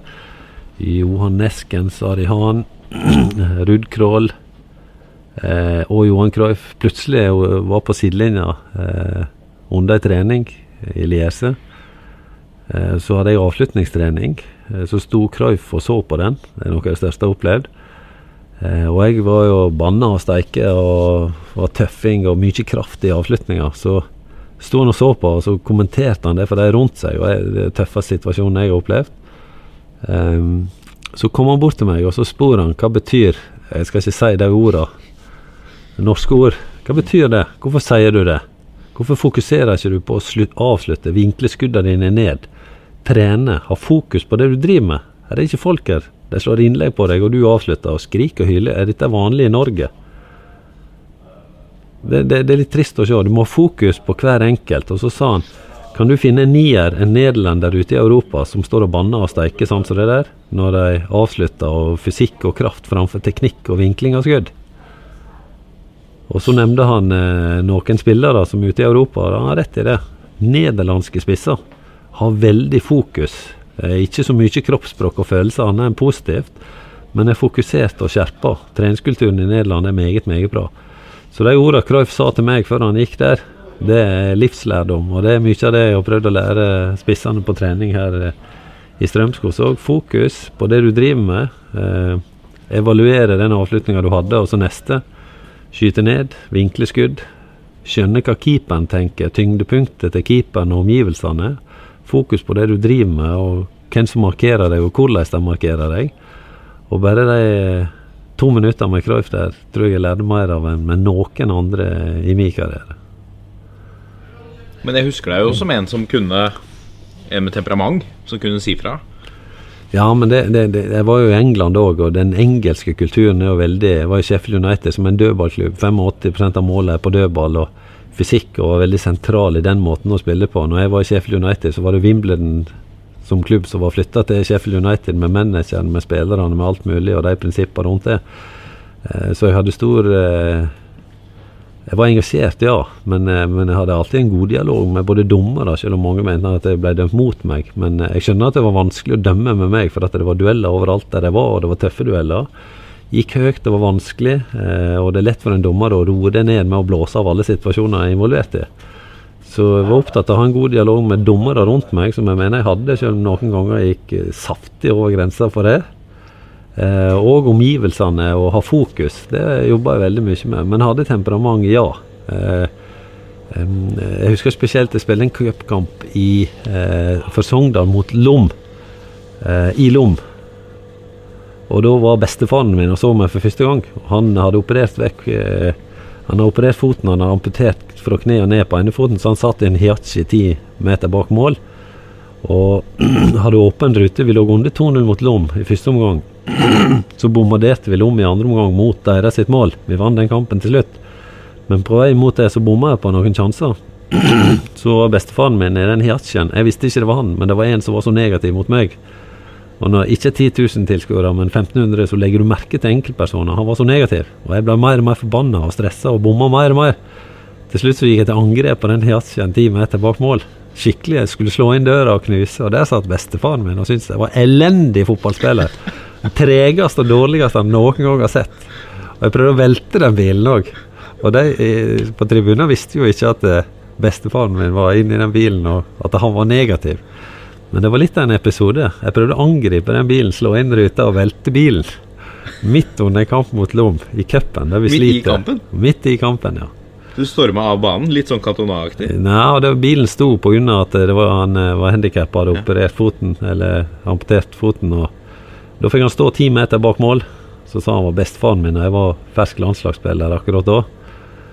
Og så syntes han jeg var så dårlig, og det ga han sånn uttrykk for. Jeg hører stemma hans. Og jeg visste ikke det var han, men når jeg så det var han, da skulle jeg ta han. Da skulle jeg ta han skikkelig. Så temperamentet var der. Ja. For da var du hjemme i, i Sogndal. Men du, etter et år i Lierse eh, så skåra du 28 mål på 46 kamper. Så var du hjemme i Sogndal en par sesonger. Ja. To og et halvt. Ja, før du var ute igjen. Ja. Hvordan gikk eh, Og da ble du henta til Sheffield United, som du sier. Fordi at du var så stor og sterk? Ja, fordi at det passet inn i den måten eh, de spilte på. Eh, de skåra jo mesteparten av målene, nesten alle, og var en av Europas beste dødballklubber. Det som overraska meg når jeg kom til Vi sier vi er gode på dødball i Norge, men vi, vi henger så langt etter engelsk fotball på dødball at det er nesten ikke til å tro. Og spesielt Vi reiser til Real Madrid og alle disse klubbene her, men det, det er fotballag som spiller fotball på en helt annen måte. Men dødball skal du lære deg, så må du til England og kanskje Championship. Det er ufattelig på dødball, en del av de klubbene. Har en mentalitet. Eh, har du en mann på dødball der, så er du ikke mannfolk hvis du taper den. Eh, og jeg hadde Det, det som overraska meg, første kampen for Sheffield United, så fikk jeg Vi gikk gjennom dødball på fredag. Jeg skjønte ikke bæret av det. Vi hadde 20 ulike oppstillinger som jeg skulle huske til dagen etterpå. Fikk et hefte med 24 sider, med ulike oppsett på roller. Jeg hadde ikke to like roller på corner i løpet av en kamp. Nå var det en ekstremklubb på dødball. Men det var veldig lærerikt, og det viser bare mentaliteten i en del av de engelske klubbene på dødball. Um, en episode vi spilte borte mot uh, Southampton, uh, og så markerte jeg den beste midtstopperen. Ble blokkert på den ene dødballen, og de skåra og gikk opp til 2-0. Det var fem minutter før pause. Når vi kom inn i pausen, så ville ikke spillerne at jeg skulle spille andre omgang. For jeg tapte blokk. Du må skjønne at de blokkerer deg, Flo. For du er treg og lite smidig, og du er stor. Å gå i ryggen din er omtrent som å springe rett et fjell. Vi kan ikke ha det på banen. Vi er så sterke på dødball at vi skal ikke ha sånne spillere. Så måtte jeg reise meg for hele gruppa, be om unnskyldning. Dette skal ikke skje igjen. Jeg skal rette det opp igjen. Gi meg sjanse i andre omgang. Det, det, er sant alt jeg sier. Så sammen jeg det er greit. Flo han er fersk. Han skjønner ikke hvor sterke vi er på dødball. Han skjønner ikke kulturen i England. Så skåra jeg eh, to mål i den kampen i andre omgang. Den ene på dødball med den samme som markerte meg, som jeg mista i første omgang. Og da var du liksom godkjent. Men du var nervøs når det var dødball for Sheffield United, og det er du i den championship. Og det vet alle som har spilt i engelsk fotball, at dødball det er et kulturskille i forhold til eh, andre nasjoner. Vanvittig sterke på dødball, og det var lærerikt. Og jeg tror ikke alle er klar over hvor sterke og hvor sterke holdninger engelsk fotball har på dødball, og spesielt den championship-serien. Men har du tatt med noe, noe av det hjem eh, hit da, til Norge? Ja, som, som, eh, Det vil jeg si mye av det, spesielt som spiller. Nå er jeg ikke jeg ute på felt i forhold til treninger og kan ha dødballansvar sånn sett. For jeg er jo ikke med på Du kan jo påvirke Ja, det kan jeg, og det, det prøver jeg på. Men, men uh, prinsipielt så har vi veldig mye å lære av kulturen på, på dødballsituasjoner. Der har vi en stor læring. For nordmenn er store, vi er fysisk sterke og vi er egentlig bra i lufta. Vi har et veldig forbedringspotensial på dødball og satte situasjoner på, i spill. Og vi er veldig sånn at vi har én eller to dødballtrekk i løpet av en kamp. Mm. De fleste lag i Norge har du tre eller fire, så er du veldig kreativ og sånn. Og som sagt i Sheffield United så har aldri under 20 forskjellige dødballtrekk. Alt etter posisjon på banen osv. Du har en bror nå som er i Tor André Flo, som jeg regner med de fleste vet hvem er, som uh, jobber i Chelsea uh, nå. Gjør en uh, en mer og mer lysende karriere som, som, trener der borte. Hva har dere snakket om, altså dette med, med dødball og, og, uh, og sånne ting, hva, hva, gjelder Norge? Hvor gode er vi på det her? Ja, nå, nå spilte ikke han nødvendigvis i dødballklubber. Han har spilte jo for Chelsea som en stor og spilte en helt annen type fotball enn det jeg har spilt ute i Europa. Jeg er jo fanga av fysikken som er min styrke, og hodestyrken. og eh, ha klubber som har det som eh, front, for å si det sånn. Eller ja, på, i, i, dag, da, kontra altså, dødballfokus i dag i norsk fotball? Ja, kontra hvordan det ser ut i England? Eh, det er det, og det, det er mange ting. Tore følger jo opp eh, spillere som er utlånt til Chelsea, eh, som har kontrakter der borte. Han følger spillere som er fra juniorlag, skal inn i A-laget. Han trener på akademiet der borte mye erfaring som spiller sjøl. Det som han nå mener, er litt av forskjellen på engelsk og norsk fotball når han trener norske lag og landslag som han av og til er med som trener på. Det er litt eh, kvaliteten, spesielt på innlegg og eh, de fysiske tingene. At vi burde vært mer rysta og mer profesjonelle i den type fasen av fotballen her.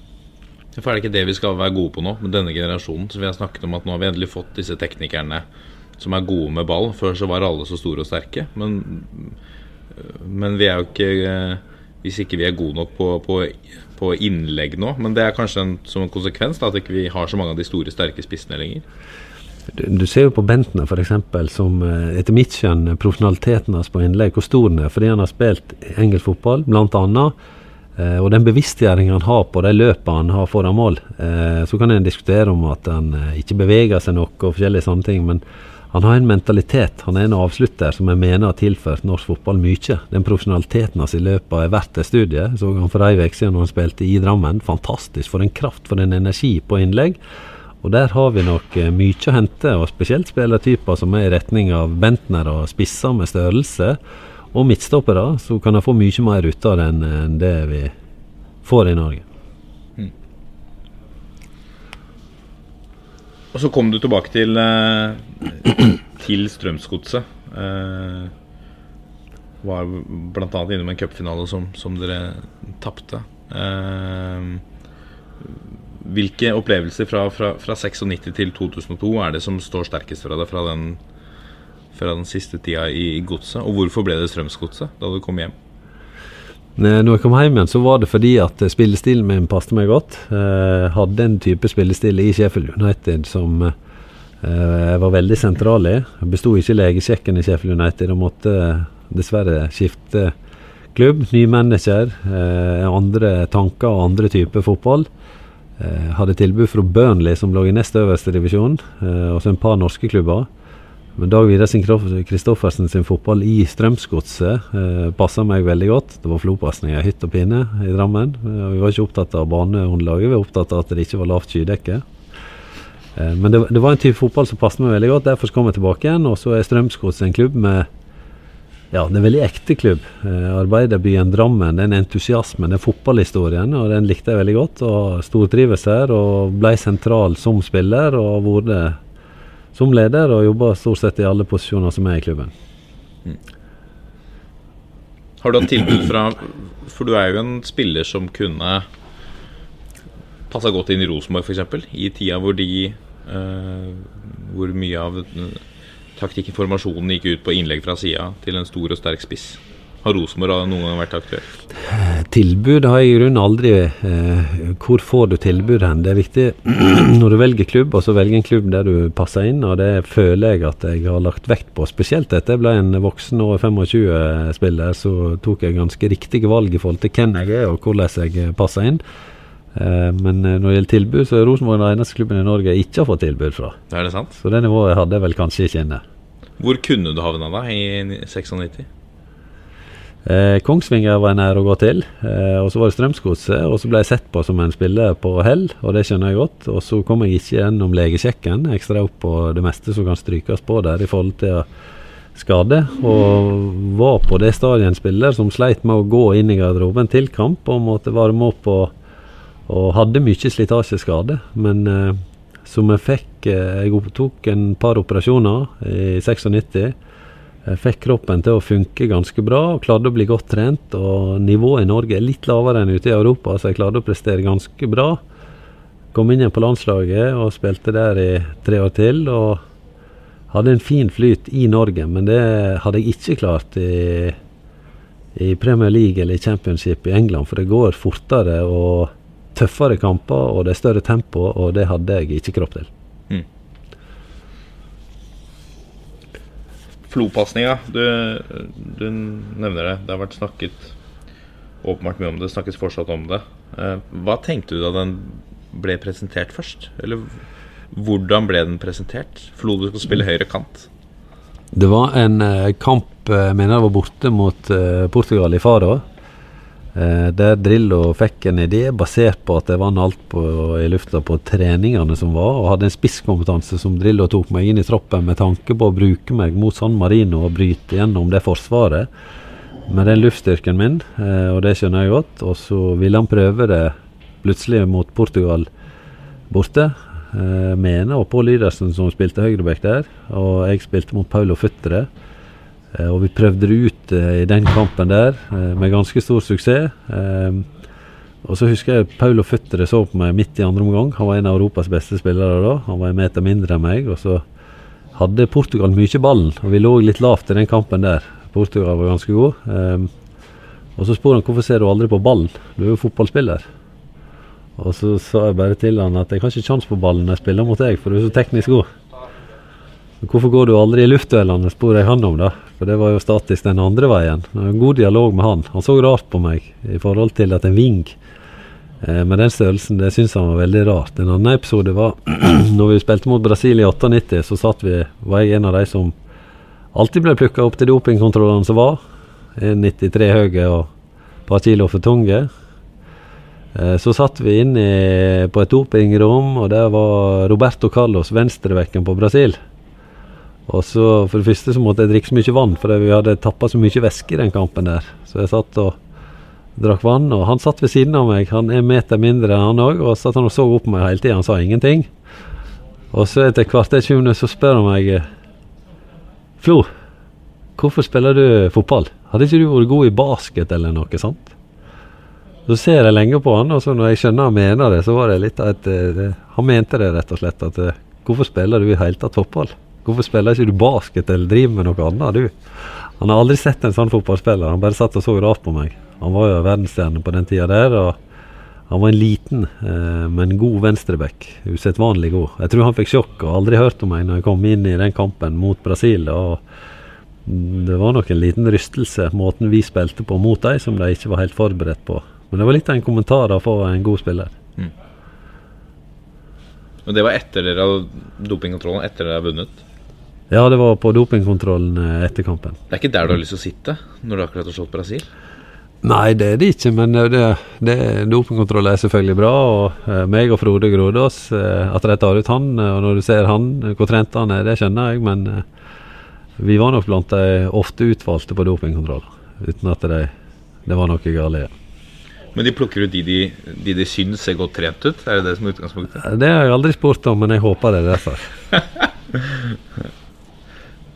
Norge-Brasil, vi kommer ikke utenom, uh, utenom, det heller. Der er det selvfølgelig dette byttet som alle har snakket om, hvor uh, du, du, skulle egentlig ikke inn. For det første så spilte vi Jeg har aldri vært så god form. Jeg var jo litt på hell. Uh, og hadde en brukbar alder når jeg ble tatt ut i det VM. Jeg ble tatt ut som sistemann i troppen, så det at jeg skulle spille, var vel ikke så veldig sannsynlig. Eh, ble, hadde en veldig god profesjonalitet, var i god form eh, der nede. Og ble det. Vi møtes jo veldig tidlig før VM, trente hardt og godt. Og eh, på treningene der så eh, spilte vi jo det, eh, når det var de første kampene i det VM-et der, så var ikke jeg med. Eh, og da spilte reserva Rosenborg mot resten. Halvparten av de reservene i VM 98 var Rosenborg. Og de var gode. Slo oss hver gang. Og det irriterte meg, så jeg ble i jæklig god form av disse ekstratreningene mot de Rosenborg-spillerne og reservene der. Um, så jeg var i superform og veldig klar og forberedt og hadde gode treninger eh, i den turneringa. Og så var det jo snakk om hva en skulle gjøre i slutten mot Brasil. Jeg vet ikke hvor eh, gjennomtenkt eller forberedt det var, men det ble jo en diskusjon. Og så mente de at det som kunne være mest revolusjonerende, var å bare slå langt i større grad enn en har gjort. Og prøve å bryte ned Brasil gjennom det. Og så var Ståle Tollbakken en sterk forkjemper for det fra benken, og en fornuftig mann, som han alltid har vært. Og som blir hørt uansett om han er reserve eller ikke. Kunnskapsrik. ikke pga. det, men alt han har gjort i fotballen, som vi har sett både før og etter. Eh, og så skulle jeg innpå. Det var ikke jeg forberedt på, så jeg gikk og lette etter drakta mi. Og på vei mot eh, å bli bytta inn uten å ha drakt. Jeg husker ikke hvem det var som holdt den igjen på benken, om det var Thorstvedt eller hvem det var. Men jeg hadde gått inn uansett drakt eller ikke. Så fikk jeg den drakta å komme inn på, og ble sentral. Eh, egentlig en av de enkleste oppgavene mot Brasil, som ikke skjønte en dritt av den måten å spille på. Og det å skape sjanser der, det var ikke noe hokus pokus, men det var et veldig stort søkelys på den type kamp. Men det er mye vanskeligere å prestere i en championship-kamp enn det var mot Brasil, når jeg ble sentral der. Og vi skulle snu det kampbildet i den kampen og, og spille mot Roberto Carlos, som måtte ha trampoline for å komme opp i den høgda som jeg står i. Så mye selvfølgeligheter sånn sett. Og så klarte vi å bryte gjennom, hedda videre til Tore André, som gikk i bakrommet. Vi vant mye dueller og skapte et sjokk og en, et press på Brasil som førte til at vi vant den kampen. Og Kjetil Rekdal en av de største konkurransemennene noen gang eh, har truffet på i min fotballkarriere. Selvfølgelig er det han som eh, tar straffa mot Brasil. Jeg går forbi han, for jeg har litt selvtillit. Og jeg bodde på rommet med Kjetil i alle åra på landslag, og spilte sammen med han et år i Belgia. Så god kompis av Kjetil og kjente godt, og visste den konkurranseevnen har. Så alle visste jo at det var Kjetil som tar straffa, selvfølgelig mot Brasil. Men jeg sa jeg tar straffa, Kjetil. Når jeg gikk mot han. Bare for å se reaksjonene på han. Kjetil han snudde ikke seg mot meg, og så flytta jeg. Det var det eneste han sa. Men det var jo mer humoristisk enn det var Jeg veit at det er ingenting som Kjetil eh, lar seg affisere av. En maken til idrettsutøver, konkurransemann. Det å tåle press og ta på seg press og stå i sentrum når det virkelig skal skje noe. Eh, Der er Kjetil Rekdal helt enorm, og den største jeg har spilt fotball med. Ikke nødvendigvis i form av ferdighet og teknikk og alt mulig, men typen, personligheten. og Det er ikke tilfeldig at han skåra mot England, det er ikke tilfeldig at han skåra mot Brasil. Det er ikke tilfeldig at eh, en Kjetil Rekdal presterer når det virkelig skal presteres. Var du sikker på at han skulle skåre? Helt sikker. Ja, det var det. Jeg kunne ikke skjønne om han bomma. Og Kjetil er bedre til større anledning, det. Og han er mesterskapets mester i å være best når det gjelder, og det har hele karrieren hans vært. Jeg husker en periode vi, i Belgia der vi spilte. Vi var fem utlendinger, og tre kunne spille. Og Kjetil Rekdal var litt ute av laget, men det var umulig å holde han ute av laget. Eh, For han var i særklasse best på trening i den perioden, og, og det går ikke an å holde han utafor. For det at, eh, fikk han bare to minutter, så presterte han. Og det var det samme i, i 94, når han kom imot Mexico. At han skåra den kampen der og avgjorde, det er bare mer logisk enn det Det er Kjetil Rekdal. Og de tre målene i, var det mot Ungarn hjemme, kanskje, i kvalifiseringa også. Hvor det er 0-0 etter 80 minutter, og så det, står det 3-0 på tavla etter vi er ferdig. Det er tre mål av Kjetil Rekdal. Ja, det er typisk han. Han er en vanvittig konkurransemann og, og legger store krav til seg sjøl og, og stort press på seg sjøl. Og uh, var litt sånn utenom uh, vanlig mentalitet i forhold til innstilling til å ville vinne og, og kravene han setter seg sjøl. Har han noen gang vært aktuell som Strømsgodset-trener? Eh, alle Når sportssjefen åpenbart har et eh, Alle eller ingen har vel vært aktuelle sånn sett. Vi har fått de trenerne vi til enhver tid eh, ville ha. Og det er jo en timing i forhold til at eh, det er ikke alle som er ledige. Og vi veit hva vi vil eh, når vi vil ha ny trener, eller når behovet der er til stede. Da. Så vi har ikke noe å utsette på det. Men hadde trenertypen Kjetil Rekna passet inn i Strømsgodset? Med hans måte å tenke på? Eh, Nå mener jeg ikke nå nødvendigvis, men, men kanskje for noen år siden. Det, det, det kan godt hende, men Kjetil har vært i andre klubber i de fasene vi er ute etter ny trener. Og så er det litt at vi er en klubb som har på mange måter utvikla trenere òg. De fleste trenerne som har blitt ansatt i Strømsgods, eh, har ikke hatt så erfaring som topptrenere før de har kommet hit. Den første er Bjørn P nei, Tor Ole Skulderud. Før det som vi har vi Fagermo, eh, som begynte i 2005. Han har trent Notodden i lavere divisjoner. Ronny hadde ikke trent noen lag, men var, hadde alle forutsetninger for å bli en god trener i 2007. Eh, Bjørn Petter hadde vært en del av Ronny sitt apparat når han ble hovedtrener, og David Nilsen hadde vært i Ness Sotra, og Tor Ole Skulderud hadde en vanvittig CV og referanse når han ble ansatt. Og Det var litt fordi at vi har vokst som klubb, og vi er en stor klubb, og kravet til umiddelbare resultat er større. Og Tor Ole Skullerud hadde det som vi mener skulle til for å føre godset videre. Hva er, den, eh, hva er den morsomste fotballopplevelsen du har hatt, da, uansett nivå? Bortsett fra Norge og Brasil.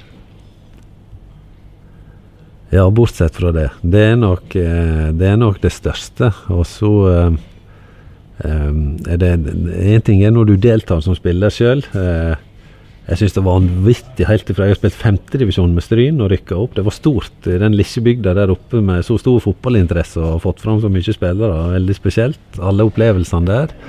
Så var det sånn eh, at eh, på Vestlandet så er det mye ferje i Sogn og Fjordane. Når vi vant bortekampene, så rakk vi alle de fergene. Vi kom litt seinere hjem igjen enn det som var planlagt. Hadde det veldig mye moro.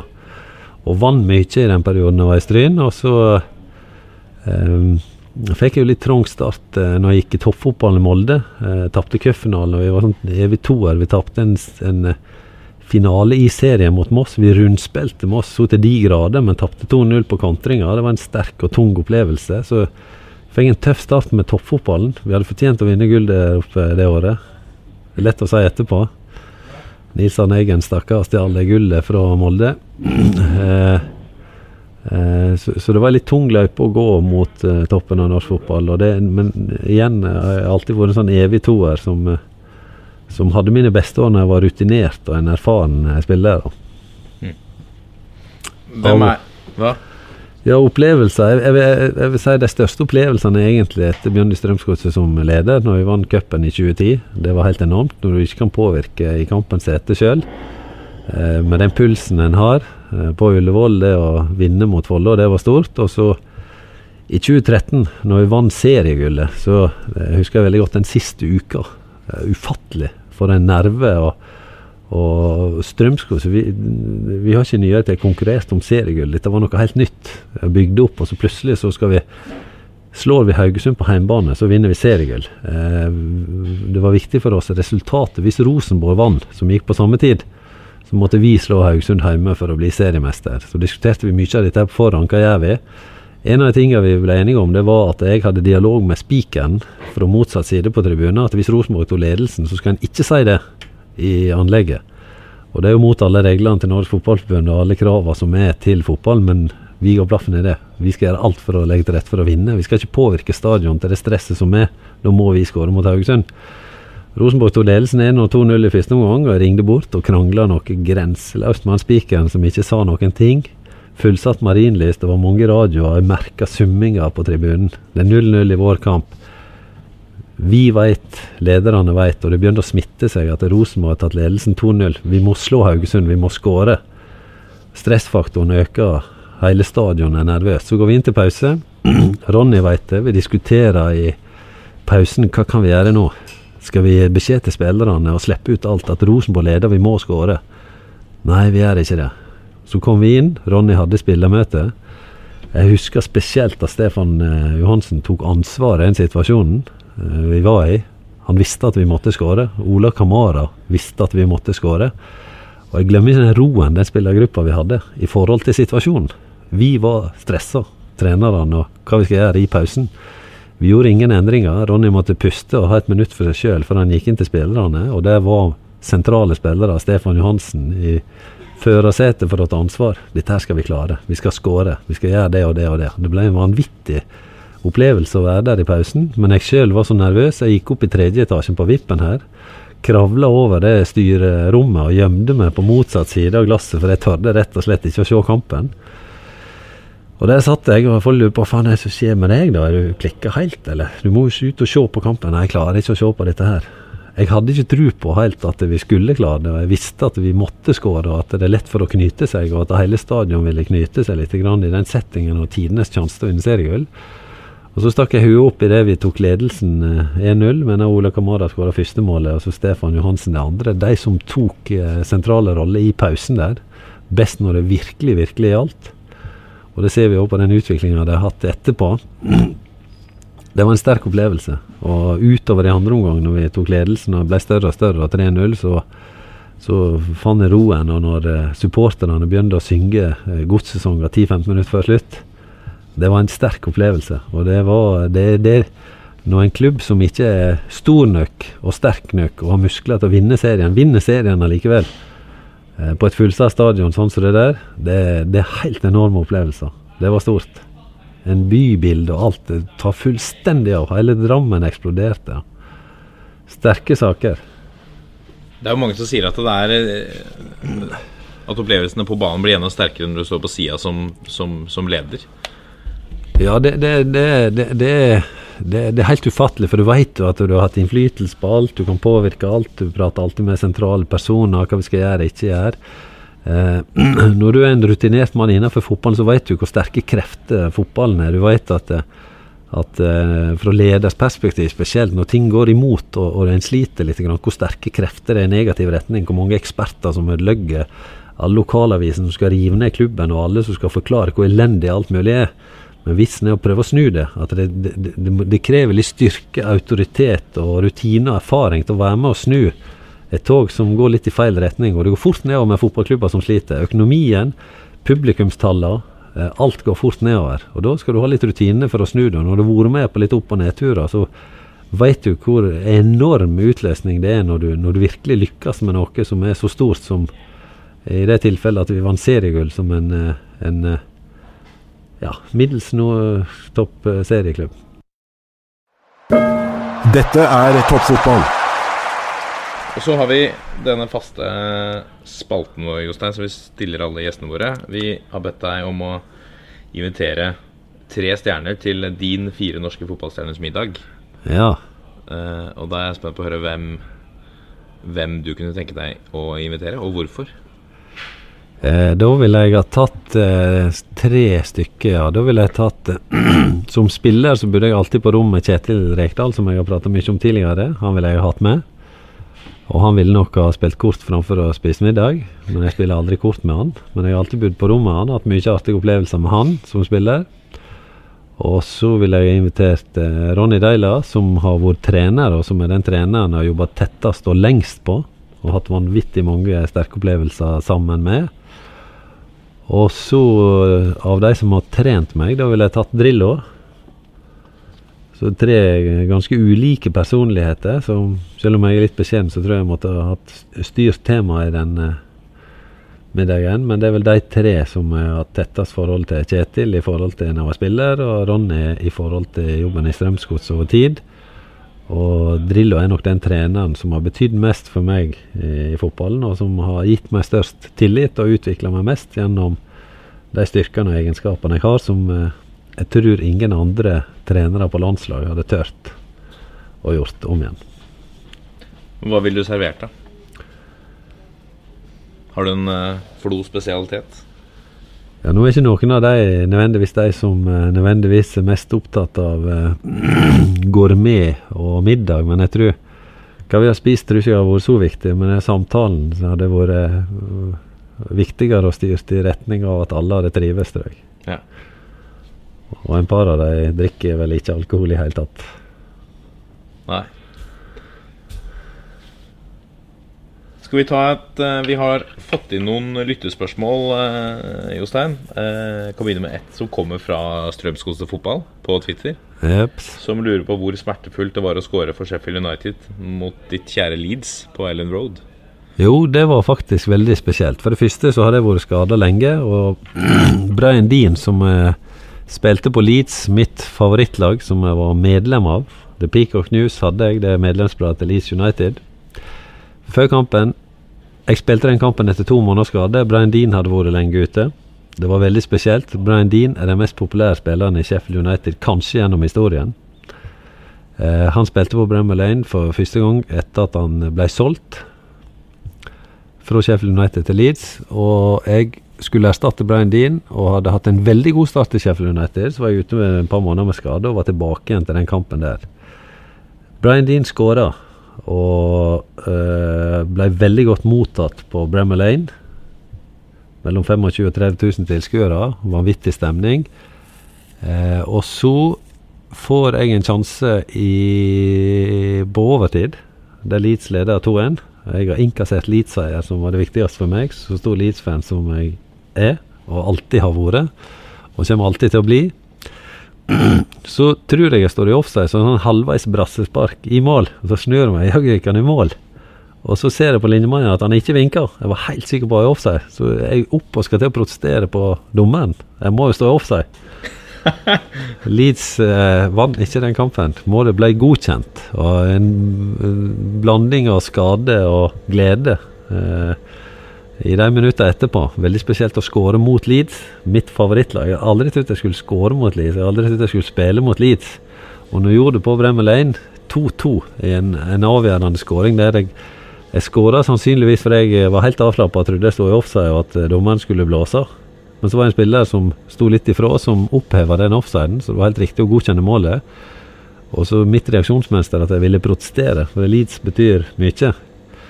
Så kom jeg hjem igjen. Den kvelden så satt jeg og så på tekst-TV 2-4-2. Og Sheffield United Leeds, og at Flo sto under der, det var en av de store opplevelsene mine. Det var det.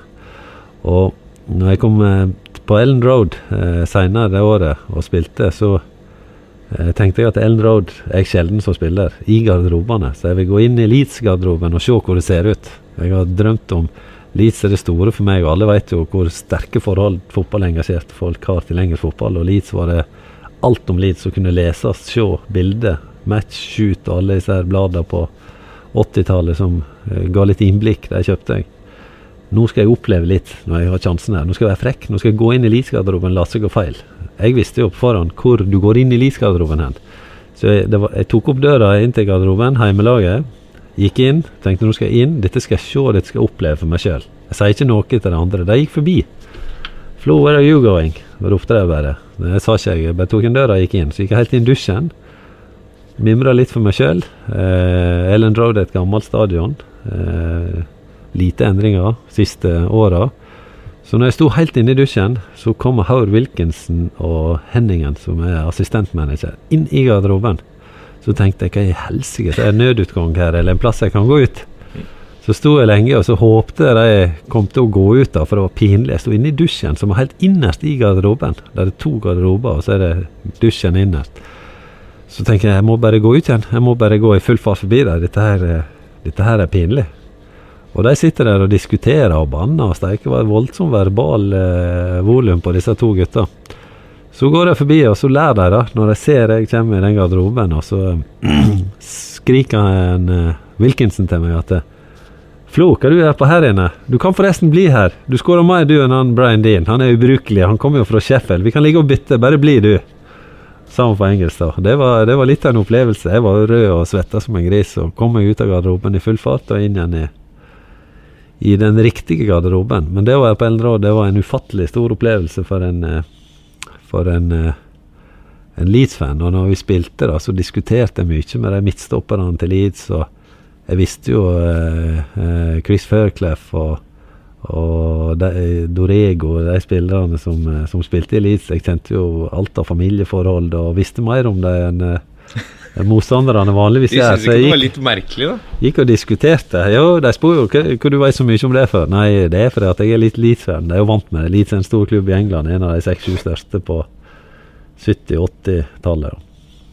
Men det var veldig spesielt. Og det når jeg bodde i Sheffield så reiste jeg ofte opp til Leeds en times kjøring. Opp og så inn på Ellen Road. Og så var litt av problemet Jeg, jeg ville ikke at de la ut billetter eh, Flo, så jeg måtte få billetter gjennom eh, bekjente og andre veier enn at mitt navn lå i billettluka, for det var litt kjent i det området som jeg spilte i Premier League sjøl. Men jeg så de Leeds-kampene jeg kunne når jeg var i Sheffield.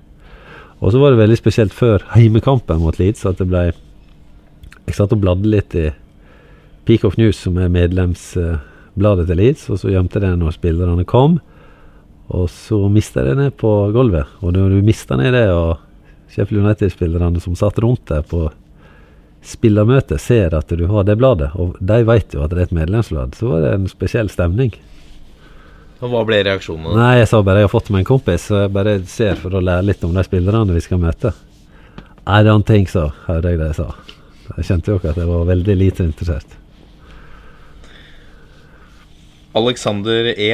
Uh, Alex er i huset på Twitter spør hvordan var det å stil, spille i The Steel City Derby? Det var veldig spesielt, og det var mitt første møte med det som eh, en kan si at det er derby både det ene og det andre i Norge, for å si det sånn, men det er i England. det er helt spesielt. Eh, eh, for det første så spilte jeg en treningskamp først mot Sheffield Wednesday, som var den siste eller nest siste før seriestart. Som var en eller annen slags eh, charity-chill-kamp for en spiller.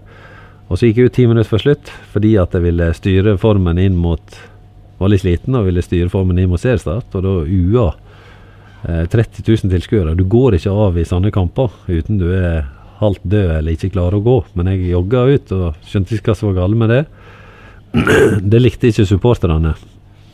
Når vi spilte, så spilte jeg først eh, borte, og da stengte det av eh, hovedveien mellom eh, eh klubbene, som er ca. en mil, for å få all trafikken og de pluss-minus 10 000 tilskuerne eller hva det var, fra Sheffield United-regionen som skulle over på kamp, ble geleida av politi før og etter, og pusha over gjennom busser og alt mulig. og Behandla nesten som dyr inn på stadion og den tribunedelen, helt isolert fra resten av tribunen. Og vi spillerne og spillerbussen eh, var innlemma i den porteføljen først, og rett i garderoben. Jeg fikk jo helt sjokk, og så den mest rutinerte spilleren, eh, Ellen Kork, som har veldig mye rutine, og som kom inn for meg som spiss. Mye skader og på slutten av karrieren. Kasta opp i garderoben fordi at eh, spenningsnivået er høyt. Så rutinert, rolig kar som han, så fikk jeg nesten helt en sjokk. Hva er det som skjer? Er du sjuk, eller? Bydarby fra. Dette her må vi avgjøre. Og den innstillinga spillerne hadde, og den eh, entusiasmen og det brølet som når vi kom inn på stadion, og hva det betydde for supporterne, det, det var sterkt. Og etter kampen så delte de byen i to. Eh, kunne ikke blande supporterne, for det var full krig. Eh, nå ble det uavgjort tre av de fire derbyene jeg spilte der. Eh, den siste tapte vi. Eh, men det at det ble uavgjort, roa jo gemyttene lite grann. Eh, men det, det var Eh, spillerne skulle ut og føle på stemninga. Vi var en fysisk robust gjeng. og ja, Det var litt av en uh, Han skulle ut og krige litt mot uh, Wednesday-supporterne. Og så var det sånn at jeg, jeg var ute på en restaurant etter den ene kampen. Og da gikk, tok jeg opp døra på den restauranten, da, for jeg ville på en plass der det var lite folk og ikke så stor fotballinteresse, men alle har fotballinteresse i England. Og når jeg tok opp døra, så bare så jeg på blikket til alle at dette er Sheffield Wednesday restaurant. Her kan jeg bare gå. Må jeg stikke med en gang. Hadde jeg gått inn der, så hadde det hadde den, Jeg tror ikke jeg jaga meg ut, men jeg har bedt meg å forlate plassen. Og det, I Sheffield så var restauranter og alt enten så er rødt eller så er blått. Mm. Og det måtte du lære deg hva som var hva. Eller så var det litt vanskelig, og spesielt i og rundt de kampene vi spilte mot dem. Mm. Det er noe av det vakre med, med fotballen også. Sånne, altså det, når det blir så så ihuga. Altså da, vi, vi, har jo ikke noe her som kan sammenlignes med det, selv om vi har hatt Når, når vi rykte ned eh, fra. Premier League, så tapte vi borte mot eh, Chelsea. Så sitter alle tilskuerne igjen og holder rundt hverandre på tribunen. Spillerne inn i garderoben. I garderoben var det knuste glass og alt mulig. Det var, det var en sterkere eh, reaksjonsmønster jeg noen gang har sett i mitt liv. Jeg holdt på å få sjokk når jeg kom inn i garderoben og så reaksjonene til spillerne. Jeg skjønner nedrykket veldig alvorlig, men det var sterkt. Og så gikk alle spillerne ut. og holdt rundt supporterne og var sammen med dem ute på Stamford Bridge. Og så tilbake igjen til Sheffield, så reiste alle sammen. Jeg tror det var en 30-35 busser. Med spillerbussen først, og så alle supporterne etterpå. Og, og de var samla i den stunda der. Og det på bortebane, alle supporterne som er med, de bruker hele lønna si. Altså Fotballen i England det, det er en uh, sterk sak. Og de supporterne som er engelsk fotball, det er supportere, altså. Og det er sterke følelser. Fotballen er livet deres. Å holde med i en klubb i England, uh, den holder de med resten av livet. Og det betyr mye for uh, de ulike. Alle i England holder med et lag. og Supportere av fotballklubber i England, det, det, er sterke saker og sterke opplevelser. Mm. Men du må ha fortsatt et hjerte for Sheffield United etter at du opplever sterke ting? Ja, det har jeg, men en gang Leeds-fan, alltid Leeds-fan. Så det er jo det viktigste for meg. Men jeg følger med Sheffield United og ser hvor de presterer, og ser at de er på vei mot uh, Premier League som klubb, og det gleder meg veldig. Og kjenner noen i apparatet uh, rundt klubben på markedssida og litt sånne ting. nå var det sånn at i, i, Sheffield så kårer de man of match, alltid. Og det er 13-14 losjer med hovedsponsorer i Sheffield når jeg var der. og det alle de losjene kosta kåra man of match Sheffield United, uansett om de tapte eller vant. og jeg var den eneste spilleren som gikk opp i de losjene. Jeg ikke bare mottok den, ikke bare mottok den champagneflaska med man of match som du får i garderoben, men jeg gikk opp til den losjen og takka dem for jeg fikk det. Og det var en hyggelig gest, så jeg ble populær blant disse losjefolka der. så jeg tror jeg er den eneste som har blitt man of the match i nesten alle de losjene uten å i hele tatt være i troppen på heimekampene. Ja. Men jeg var, ble henta ned i garderoben etterpå. Men det var litt fordi at eh, men det, en, I Norge er vi vant med å stille opp for sponsorene, og vi verdsetter dem. Og når de kårer deg til ting, så tar du imot dem med takk. Og litt annen kultur enn eh, de engelske spillerne hadde, og reaksjonsmønsteret overfor eh, sine egne sponsorer. Så jeg stilte opp på sponsoroppdrag, som vi lærer oss i Norge, og har en fin kultur for. Og var alltid oppe når jeg fikk den man of match. Og så, som sagt, så tror jeg sjelden at det blir man of match uten å i hele tatt ha vært i troppen. Mm. Det var jo ofte. Ja. Våre beste menn på, på, Twitter følger landslaget vårt tett. Lurer på hvem du var romkamerat med under VM 98, og om du har noen historie fra rommet. Du har vel svart at det var Kjetil Rekdal, men eh, Nei, i 98 så bodde vi i eh, hus. Eh, vi var på samme anlegg før VM under VM og hadde flyet til og fra kampene. Og da bodde vi på eh, et anlegg der flere bodde. Vi hadde hus med tre-fire soverom i og ulike grupperinger rundt det. Så jeg bodde faktisk Det var Flohuset. Tore André, meg og Håvard bodde i samme huset. Og hadde hvert sitt soverom der. Og Håvard er den eneste som jeg vet som har før en VM-kamp sovna i sofaen framfor TV-en. Og sovet i en stol hele natt før en så viktig kamp. Det hadde jeg aldri klart. Men han har godt sovehjerte. Hvilken kamp var det? Det var den eh, første kampen mot Skottland, ja. Det Da han skåra? ja. Og da han sovet i sofaen hele natta? Håvard har fantastisk sovehjerte. Han sovner overalt uansett, og press og alt mulig. Han er en eh, rolig, eh, beherska kar, ja. Har du noen noe morsom historie fra du har delt rom med Kjetil Rekdal? da? Eh, vi diskuterte mye fotball. Eh, Kjetil er direkte, og det hadde vi alltid veldig hyggelig med. Mens jeg ikke alltid sa hva jeg mente om ting, eller kunne være litt mer diplomatisk, så har Kjetil aldri vært det. Han var veldig tydelig, og de Leeds hadde vi felles, og vi hadde alltid en liten sånn eh, Leeds-talk før vi gikk til sengs, så vi sjekka tabellen. 2-4-2 og 2-4-3 eller hva det var på TV2 Tekst-TV, som vi brukte mye på den tida vi spilte på landslaget. Prata litt om Leeds før vi la oss til å sove. Og det var fast. Jostein Flo, eh, dette har vært eh, veldig, veldig hyggelig. Eh, takk for at du stilte opp. Lykke til resten av sesongen og, og, og neste. Så må vi avslutte denne, dette intervjuet med, med, som vi vanligvis gjør. Det er Håvards uh, idé. Uh, vi sier 1, 2, 3. Vi er en gjeng. 1, 2, 3, vi er en gjeng. Ja, det Veldig bra. Var det det jeg skulle si? Ja. Flott.